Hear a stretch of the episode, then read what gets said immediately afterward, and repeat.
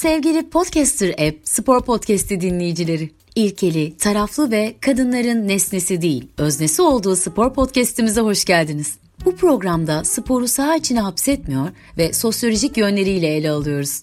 Oyunlardan bir dünya kuran ve sporu yaşamın tam da merkezinden anlatan program Anıl Hoca ile yakın markaj başlıyor. Almanya için de bir şeyler söylemiş olalım. Aslına bakarsan hani bu turnuvanın ertelenmesine en sevinen takım herhalde bence Almanya olabilir. Bir de ikinci de biz olabiliriz. Bizim de biliyorsun geçen sene bu zamanlar daha çok sakat oyuncumuz vardı. O kadar Tabii. formda değildi milli takımımız.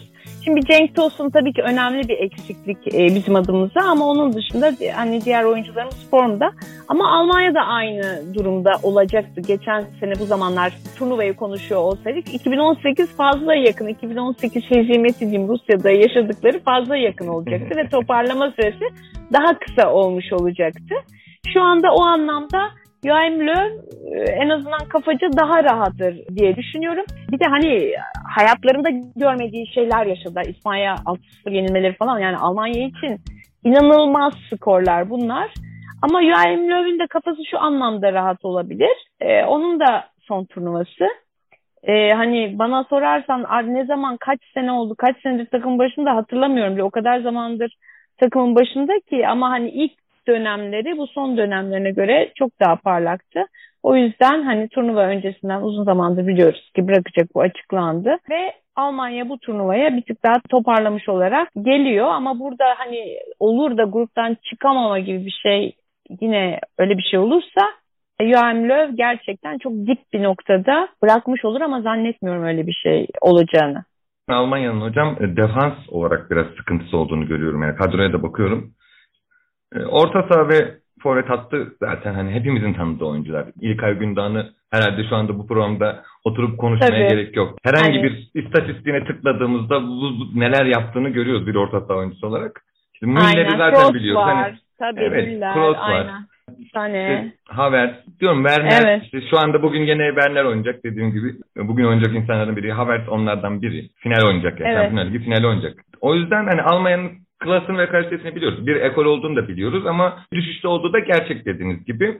Yani defansif sorunlarını çözebilirlerse e, turnuvanın ilerleyen bölümlerinde daha iyi yerlere gelirler. Ama defansif olarak Almanya Ligi'ni izlediğimde yani Emrecan'ın performansını bu sene çok iyi bulmadım açıkçası onu söyleyeyim. Humers'i de çok iyi bulmadım. Zaten genelde orta sahaya yakın defansif ön libero gibi attı bazen ileriye. Hem Emrecan hem Humers evet ayakları iyi ama ağır kalıyorlar ve çok sıkıntı yaşadı Dortmund. O yüzden Almanya eğer defansif sorununu çözerse bence zaten ileri uçtaki oyuncularıyla bu işi götürür.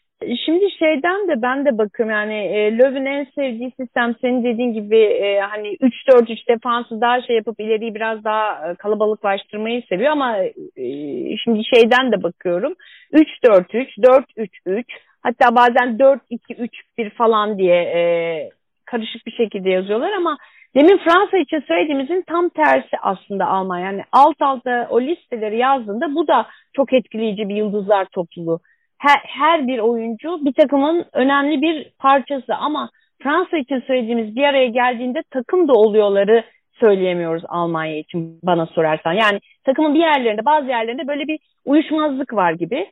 Ve işte o açıdan yani Almanya dediğin gibi hücumda zaten yap yani normalde alıştığımız şeyi yapsa bir sıkıntı yok ama de, onu yapamayıp bize defansa açık verince işte 2018'de ve sonrasında Nations League'de bizim hani küme düştük ya Türkiye olarak. evet. Orada yaşadığımız şeyleri ya da yaşadıkları şeyleri görmemize yol açıyor.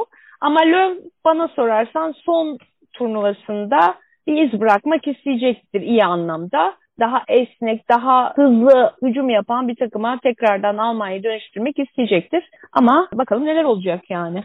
Şu anda da şeye bakıyorum istatistiklerine e, uluslararası arenada en uzun görev yapan e, antrenör şu an evet 2014'te e, yılın koçu seçilmiş. Bakalım yani o bu noktada bırakmak istemeyecektir. Elinden geleni yapacaktır. Orası kesin. O da Hocam, bu gruba biraz daha heyecan katacak. Kupayı alırsa Döşem bu rekoru kırar ama. Tabii. kırar kırar. Aynen kırar. Yakışır da bu arada. Şimdi Fransa'nın Almanya'yı e, yenmesi sürpriz olmaz. Ancak bu dediğiniz işte Almanya'nın alaşağı olabilme durumunu sağlayacak takım aslında grupta Portekiz. Evet. Ee, ve son şampiyondan bahsediyoruz. Neredeyse galibiyet almadan şampiyon oldu ama son şampiyon. Kadrosuna bakıyorum. Burası da çok güçlü kadro. Özellikle işte City'nin Portekizli oyunculara yönelmesiyle diyeyim Guardiola'nın da biraz bir tercihiyle çok güçlü bir kadro var. Yani Ronaldo'yu zaten konuşmayalım bence. Evet Ama aynen. Ya diğer işte Renato Sanchez Lille'de şampiyon oldu. Bu sene çok izleme şansımız oldu. Menajerlik oyunlarından dolayı Bayern Münih'teki durumunu da takip etmiştim. O potansiyelini gösteremeyen bir genç yetenekti ama biraz olgunluk döneminde çok e, katkı ver, verdiğini gördüm bile. Portekiz'e de e, bu katkıyı verirse mesela orta sahada e, en azından Almanya ve Fransa'nın güçlü yapılarına karşı direnç sağlayabilecek bir orta saha olarak görüyorum ben. Ruben Neves gene o şekilde aynı tip bir oyuncu zaten. E, Bruno Fernandes e, Manchester United'da e, bu sene çok e, üst düzey bir performans hı hı. gösterdi. Ve Portekiz ekolde bildiğimiz gibi hep 4-3-3 yani forvet hattı üçlü oynuyor. Ronaldo'yu ortada mı oynatır, kanada mı çeker bilmiyoruz ama Andre Silva bence bu, turnuvada patlama yapabilecek. Hep potansiyel olan ama patlamamış bir oyuncuydu. Milan da gördü ama bu turnuvada yapabilir. Eğer kana, kanatta Ronaldo oynarsa e, Andre Silva merkezde o Portekiz'in hep söylenir ya hocam. Merkez forveti yok. Merkez forvet eksikliği var. Belki onu kapatabilir. Joao Felix, Diego Jota. Yani bunlar artık dediğim gibi Portekiz Almanya'yı alaşağı edebilecek takım olarak görüyorum ben.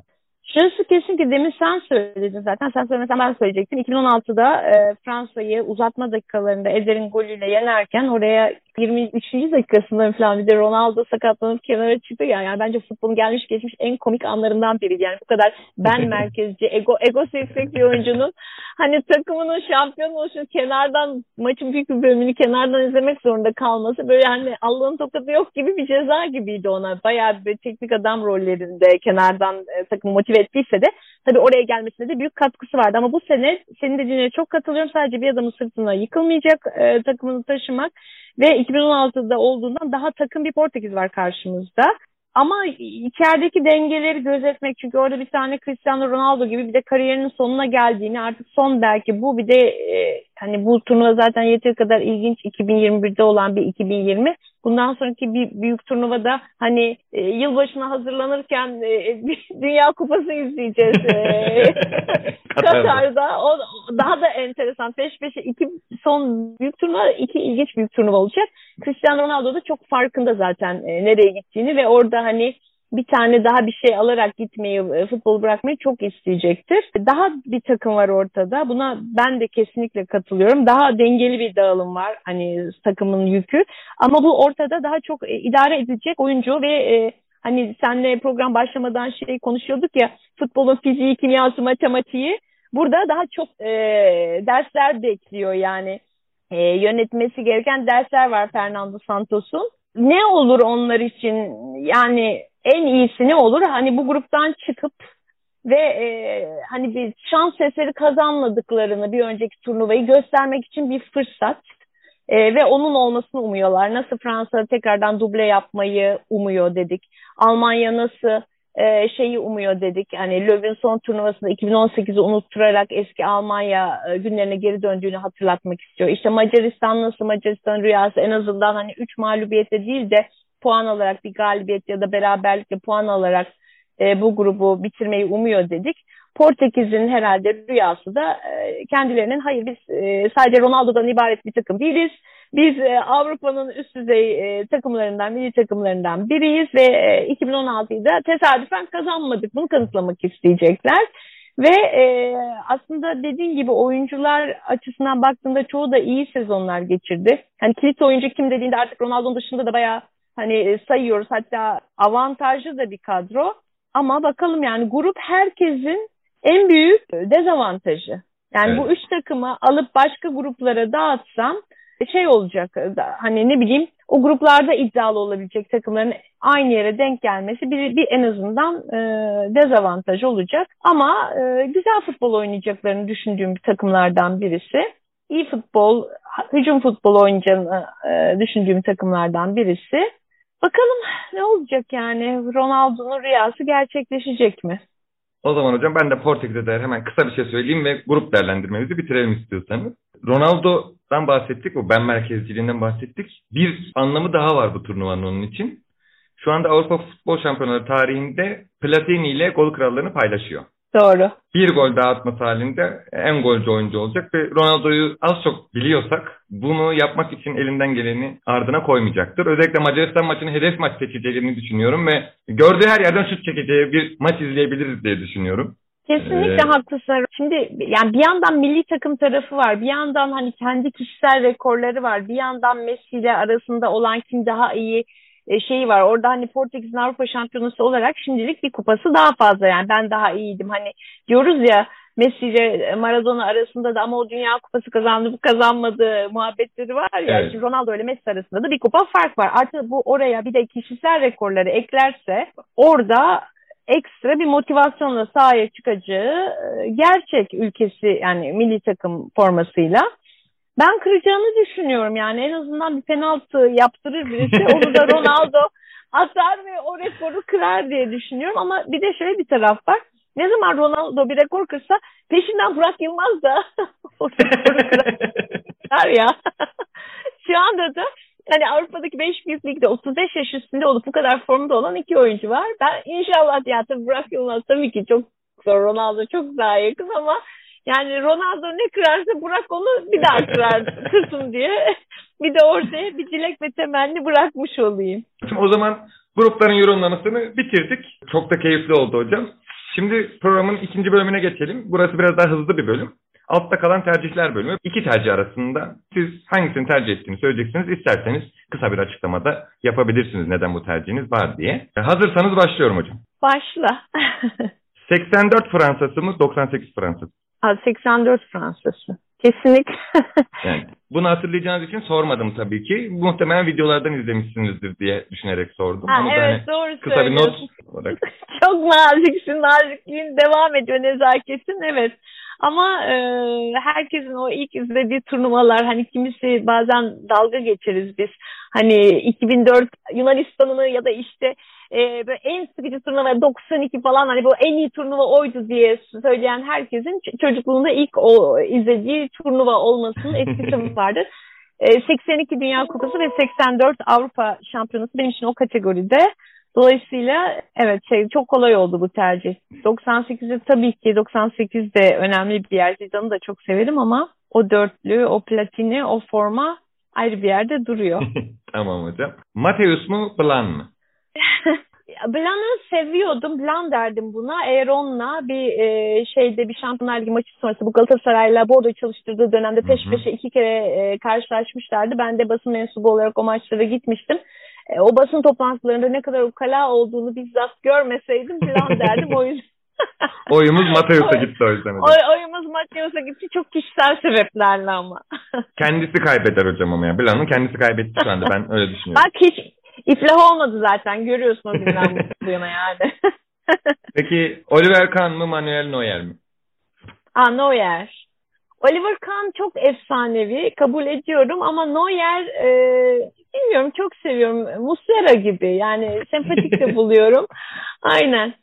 Onun da yani, kişisel bir şey yani hep bana böyle bir e, kişisel bir anım olan insanları şey yaptım. Bir gün biz Almanya'da Münih'teyiz Fatih Demireli ile birlikte Arabayı bir otoparka park ettik. Oradan da bir yere koşturuyoruz. Ya bir röportajı ya bir yere ama şehir merkezinde bir yerdeyiz. Bana dedi ki Fatih böyle dürttü bak bak dedi o yer çıkacak bu arabadan dedi. Aa falan böyle gerçekten de o Bayern Münih'in plakalarından tanıyor. Yani hep e, takımın arabalarını kullanıyorlar. Sponsor arabaları ve hani takımın her oyuncusunun plakasından tanıyor Fatih onları. Ondan sonra dedi ki o kadar mütevazidir, o kadar sempatiktir. Şimdi çıkacak bak göreceksin, selam vereceksin. Söyledikleri böyle şeymiş gibi e, sanki Fatih Nostradamus gibi her söylediği çıktı. Gerçekten bir de hani kaleci olarak da hani çok uzun bir kariyer, çok düzgün bir kariyer. O yüzden e, bir de Bayern Münih gibi bir takımda. O, gerçi Oliver Kahn da orada ama o yüzden Neuer'dim yine kişisel bir anı yüzünden. Bir, e, Kadın yorumcu fazla belli ediyorum. Hayır hocam estağfurullah olur mu? Sporun bir klişesini söyleyeyim o zaman bunu söylemeden geçmeyeyim. Bence de Neuer herkes tarafından saygı gö- gören bir kaleci. Kan biraz daha Aynen. böyle şey korkutucu ve hani karşı takım taraftarlarını da karşısına alan bir yapısı vardı. Ben de Neuer derdim. Bana sorarsan hani mesela gerçekten e, o yüzden Muslera benzetmesi de senin bu söylediğini de destekliyor. Her takıma yani hani bir e, takımın hani o Bayern Münih'in işte Muslera Galatasaray gibi hani hem seveni hem sevmeyeni çok olan takımların kalesinde durmak aslında enteresan bir pozisyon ama e, yani Neuer'de o güler yüzüyle o saha içinde ve dışındaki tavırlarıyla bunu sağladı ve bahsettiğimiz insan da bana sorarsan hani ilk üç yap desen hani bu fon Casillas Neuer falan herhalde diye e, hani Avrupa'da bu fonu da koyarım ben oraya. Casillas'ı da koyarım. Hani gelmiş geçmiş. Mesela ilk üçe galiba Oliver Kahn'ı koymam gerçekten çok korkutucuydu değil mi kalede? Evet. Hocam o zaman yenilsen de yensen de mi Veni Vidi Vici mi? Oo bu çok en zoru bu oldu bak. İkisi de yani, benim bebeklerim. Hani... Aynen Sophie'nin seçeneği gibi oldu şu anda. yani ben kişisel olarak tabii Veni Vidi Vici çok ayrı bir yerde. Çok severek yaptığımız ve bizim de hala unutamadığımız bir proje. Ama yenilsen de yensen de de oraya bir kere çıkan birisiyle bile hala o da koskocaman bir aile gibi. O kadar uzun sezonlar devam etti ki ve o kadar çok spor medyasına ve spor medyasının dışında da bize de bir sürü dostluklar kazandırdı ki gerçekten seçemeyeceğim. Kişisel olarak Veni Vidi Vici hani bir daha hangisini yapmaz yani önüme tercih gelse kişisel olarak Veni Vidi Vici'yi seçerim.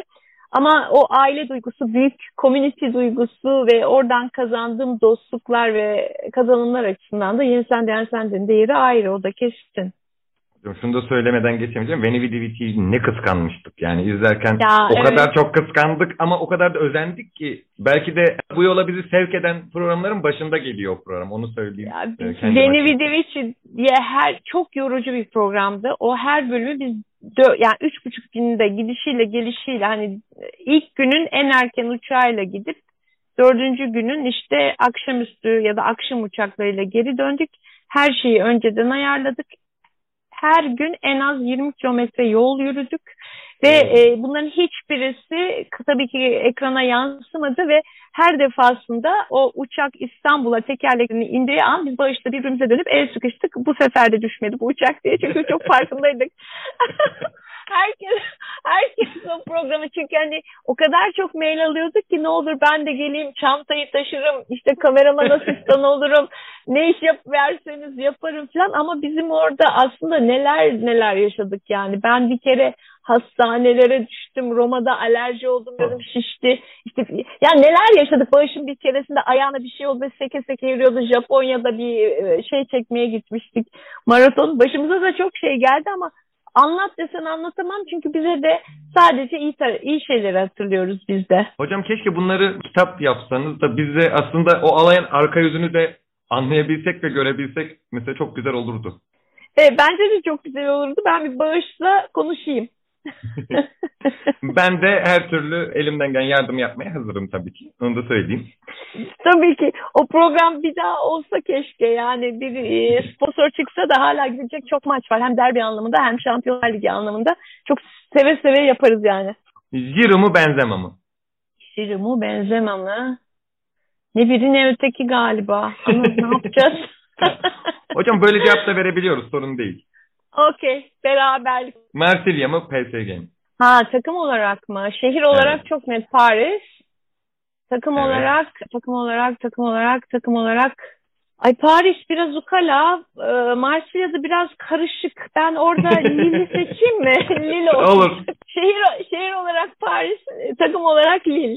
O zaman cevabını bildiğim bir soru daha sormuş olayım. Ronaldo mu Mbappe mi? Evet. E, Mbappe'yi seçim. Aslında karakter olarak Mbappe'nin de Ronaldo'laştığı anları böyle yakaladık o şeyden sonra ama hani Fransa'da tekrardan futbolun bu kadar sevilmesinde büyük rolü var. Mbappe. Ronaldo'yu aslında takdir ediyorum. Eskiden çok daha net Mbappe derdim. Şimdi Ronaldo'nun o egosundan çok çalışkanlığı bence ön planda. Hiçbir zaman pes etmiyor. Her zaman elinden gelen en iyisini yapıyor. Yani sadece yeteneğine güvenerek bir yerlerde değil. Orası kesin. Ve birden fazla ligde, birden fazla takımda kendini kanıtlamak istemesi. Yani bir yandan egosunun bir yandan da çalışkanlığının. Çünkü e, sıfırdan başlamıyor yani sıfırdan hiçbir zaman başlamayacak ama sonuç olarak rahattan da hani yani tek takımın hani Messi ile burada Messi'ye gönderme yapıyorum galiba. O tek takımın rahatı ve üzerine kurulmuş bir takımın rahatlığı. Aynen değil. Onu da e, tercih etmedi. O yüzden hadi bu da beraber yani Mbappe'yi seçip sonra Ronaldo'yu övdüm. Çünkü bir garip oldu. bu da beraber oldu. Hocam Ronaldo hepimiz aynı hissi yaratıyor. Yani çok iyi duygularımız var ama bir türlü sevemiyoruz. Yani bir türlü olmuyor. Değil mi? Evet. Tam herhalde tanısan seversin kategorisinde birisi ama evet. tanımadığımıza göre duygularımız karışık olarak kalsın bence de. Hocam o Klinsmann mı Müller mi? Klinsmann. Müller bildiğimiz Müller bildiğimiz Müller. Yeni nesil Müller, e, yeni nesil Ronaldo. Ya ben Klinsmann'ı çok seviyordum. Büyük bir fark yarattığını düşünüyordum. Metotlarıyla, şeyiyle. Çok sevdiğim bir şey. O yüzden onu bunu seçmek kolay oldu Klinsmann. Çocukluğumda ben forvet oynardım. Klinsmann çok rol modellerinden bir tanesiydi. Müller'i de seviyorum aslında. Konuşunca farklı şeyler söyleyen futbolcuları her zaman seviyorum. Ee, ama hani Klinsmann'ı seçtim ama Müller'i de seviyorum. Hani o tamamen şey kategoride değil. Peki. E, Lekip mi The Guardian mı? Aa, sen çok zor soruyorsun anlıyor musun? Hocam araştırdım yani ben biraz zorlanır... sizi. evet bayağı araştırmışsın. Hadi şifrelerim çözülmüş. Lekip zorlana zorlana Lekip diyorum. E, Fransızların o en başta konuştuk ya o spora her spora eşit mesafede ama yine de mesafeli tavrı, haber yazma teknikleri, olayı hikayeleştirmeleri benim çok hoşuma gidiyor. İlla bir karma yapacaksam Guardian'ın köşe yazarlarıyla Lekib'in haberciliği diyeyim. Olur mu? Keşke ikisini tek bir çatıda toplasak diyorsunuz. Keşke, keşke. Aynen, aynen. O zaman hemen yeni soruya geçiyorum. Zidane mı Platini mi? Oo, Zidane.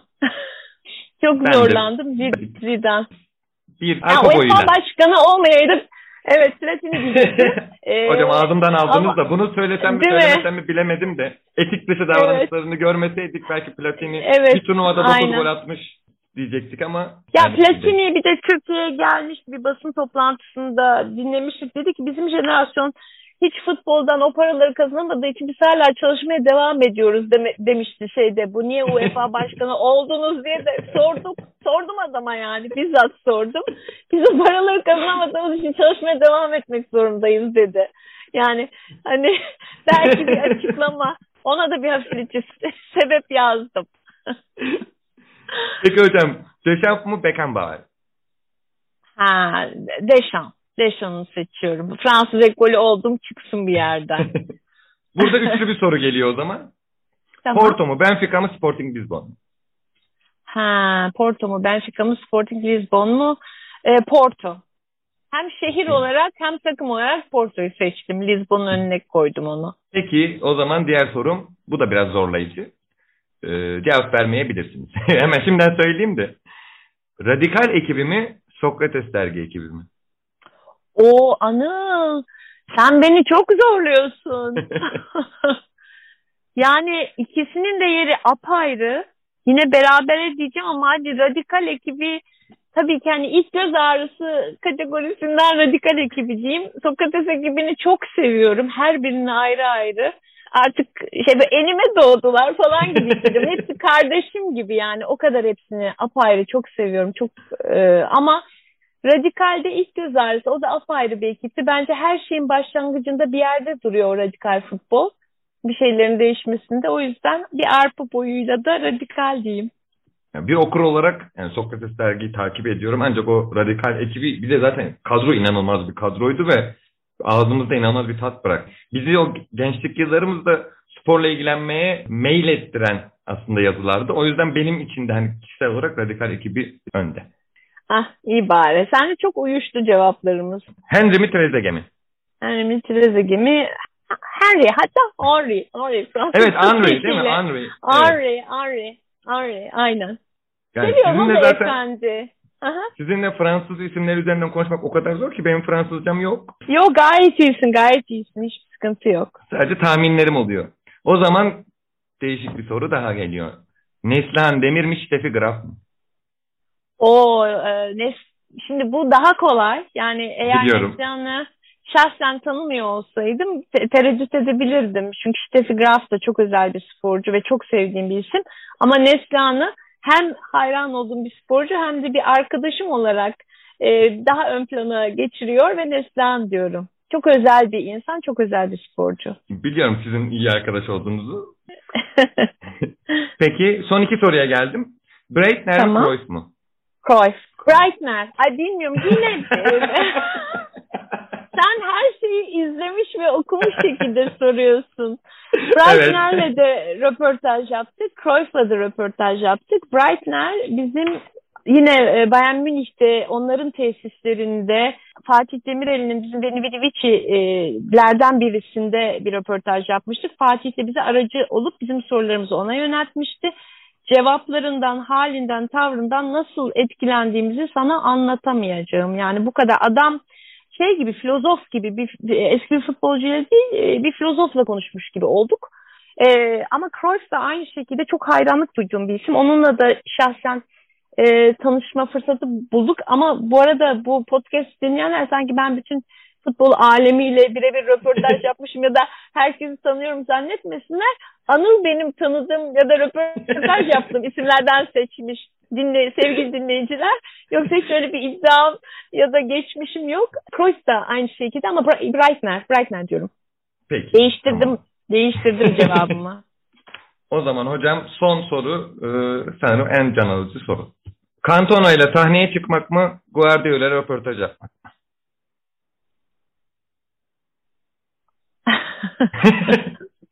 bir sessizlik oldu sanırım orada. evet artık yani. Yayında, yayında bir kesilme olmadı. Sevgili dinleyiciler yayında herhangi bir aksaklık olmadı. Cevabı bekliyoruz hala. Galiba tamam Guardiola'yla Guardiola'yla röportaj yapmak.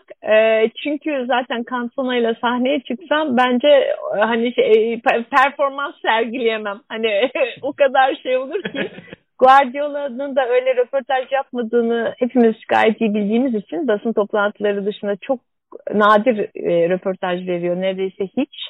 E, dolayısıyla Guardiola ile röportaj yapmayı seçiyorum. Cantona'yı sahnede birden fazla kez izleme şansına da ulaştım. E, çok etkileyici bir aktör.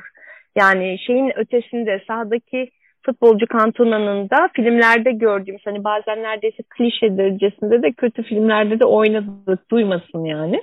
Uçan tekmeyle gelebilir ama tiyatro tiyatro sahnesinde yani çok etkileyici o, o kesin. Yani bu kadar iyi bildiğimiz, bu kadar iyi tanıdığımız bir futbolcu nasıl bu kadar bir aktöre dönüşmüş bunu tiyatroda gayet iyi anlıyorsunuz. Fırsatı olan kaçırmasın yani bir daha eski pandemi öncesi günlerimize dönersek to liste herkes yazsın. Hocam bu sizi zorladığımız bölümü geride bıraktık. Bir derin nefes alabilirsiniz. Şimdi programımızın e, son bölümü olan meydan okuma bölümüne geldik. Zaten gruplardaki yorumlarımızı yapmıştık. Şimdi Banu Hocam'dan bir sıralama isteyeceğim. Karşılığında ben de bir e, grupta sıralama nasıl olur tahminde bulunacağım ve kaybeden Tema Vakfı'na 5 adet fidan bağışlayacak. Banu Hocam buyurun. Evet. Öncelik sizde.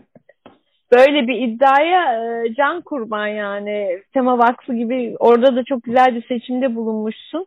Bence Fransa 1, Almanları mı harcasam? Portekiz 2, Almanya 3, Macaristan 4. Almanları harcadım. O zaman benim Sen? de tercihim şöyle oldu. Aslında buna çok yakındı benim tercihim de o yüzden değiştiriyorum şu anda. Almanya 1, Fransa 2, Portekiz'e de hiç gönlüm el vermiyor ama 3, Macaristan 4. Tamam bence Macaristan çıkarsa ikimiz birden tema vaktine bağışta bulunalım. evet hocam yani ya Macaristan bunu yaparsa bence çok daha büyük şeyler olabilir yani. Macaristan Büyükelçiliğine başvurup bin tane ağaç başlatabiliriz bence. Ee, tabii tabii bence de kesinlikle. Bizim sayemizde oldu. Biz o kadar kötü şeyler söyledik ki bizim sayemizde oldu diye. Doğru söylüyorsun. Hocam çok teşekkür ederim. Kırmadınız bizi, ben... konuk oldunuz. Çok güzel bir program oldu. Sizin deyiminizde süper süper süper bir program oldu. Ben hayatımda ilk defa beni bu kadar zorlayan sorularla karşılaştım ve beni bu kadar iyi çözmüş birisiyle e, konuştum diyeyim Anılcığım. Ben de seni çok tebrik ederim. Çok benim adıma da çok eğlenceli bir program oldu. İnşallah Tek... dinleyenler için de aynı keyfi verir. Muhakkak yani muhakkak verecektir. Evet sevgili Podcast'ler, Hep Spor Podcast'i dinleyicileri. Anıl Çobanoğulları ile Yakın Markacın bir bölümünün daha sonuna geldik. Bugün çok değerli bir konuk bizimleydi. Bilgi dolu, şiir gibi bir program oldu. Sevgiyle, dayanışmayla ve sporla kalın. Hoşça kalın.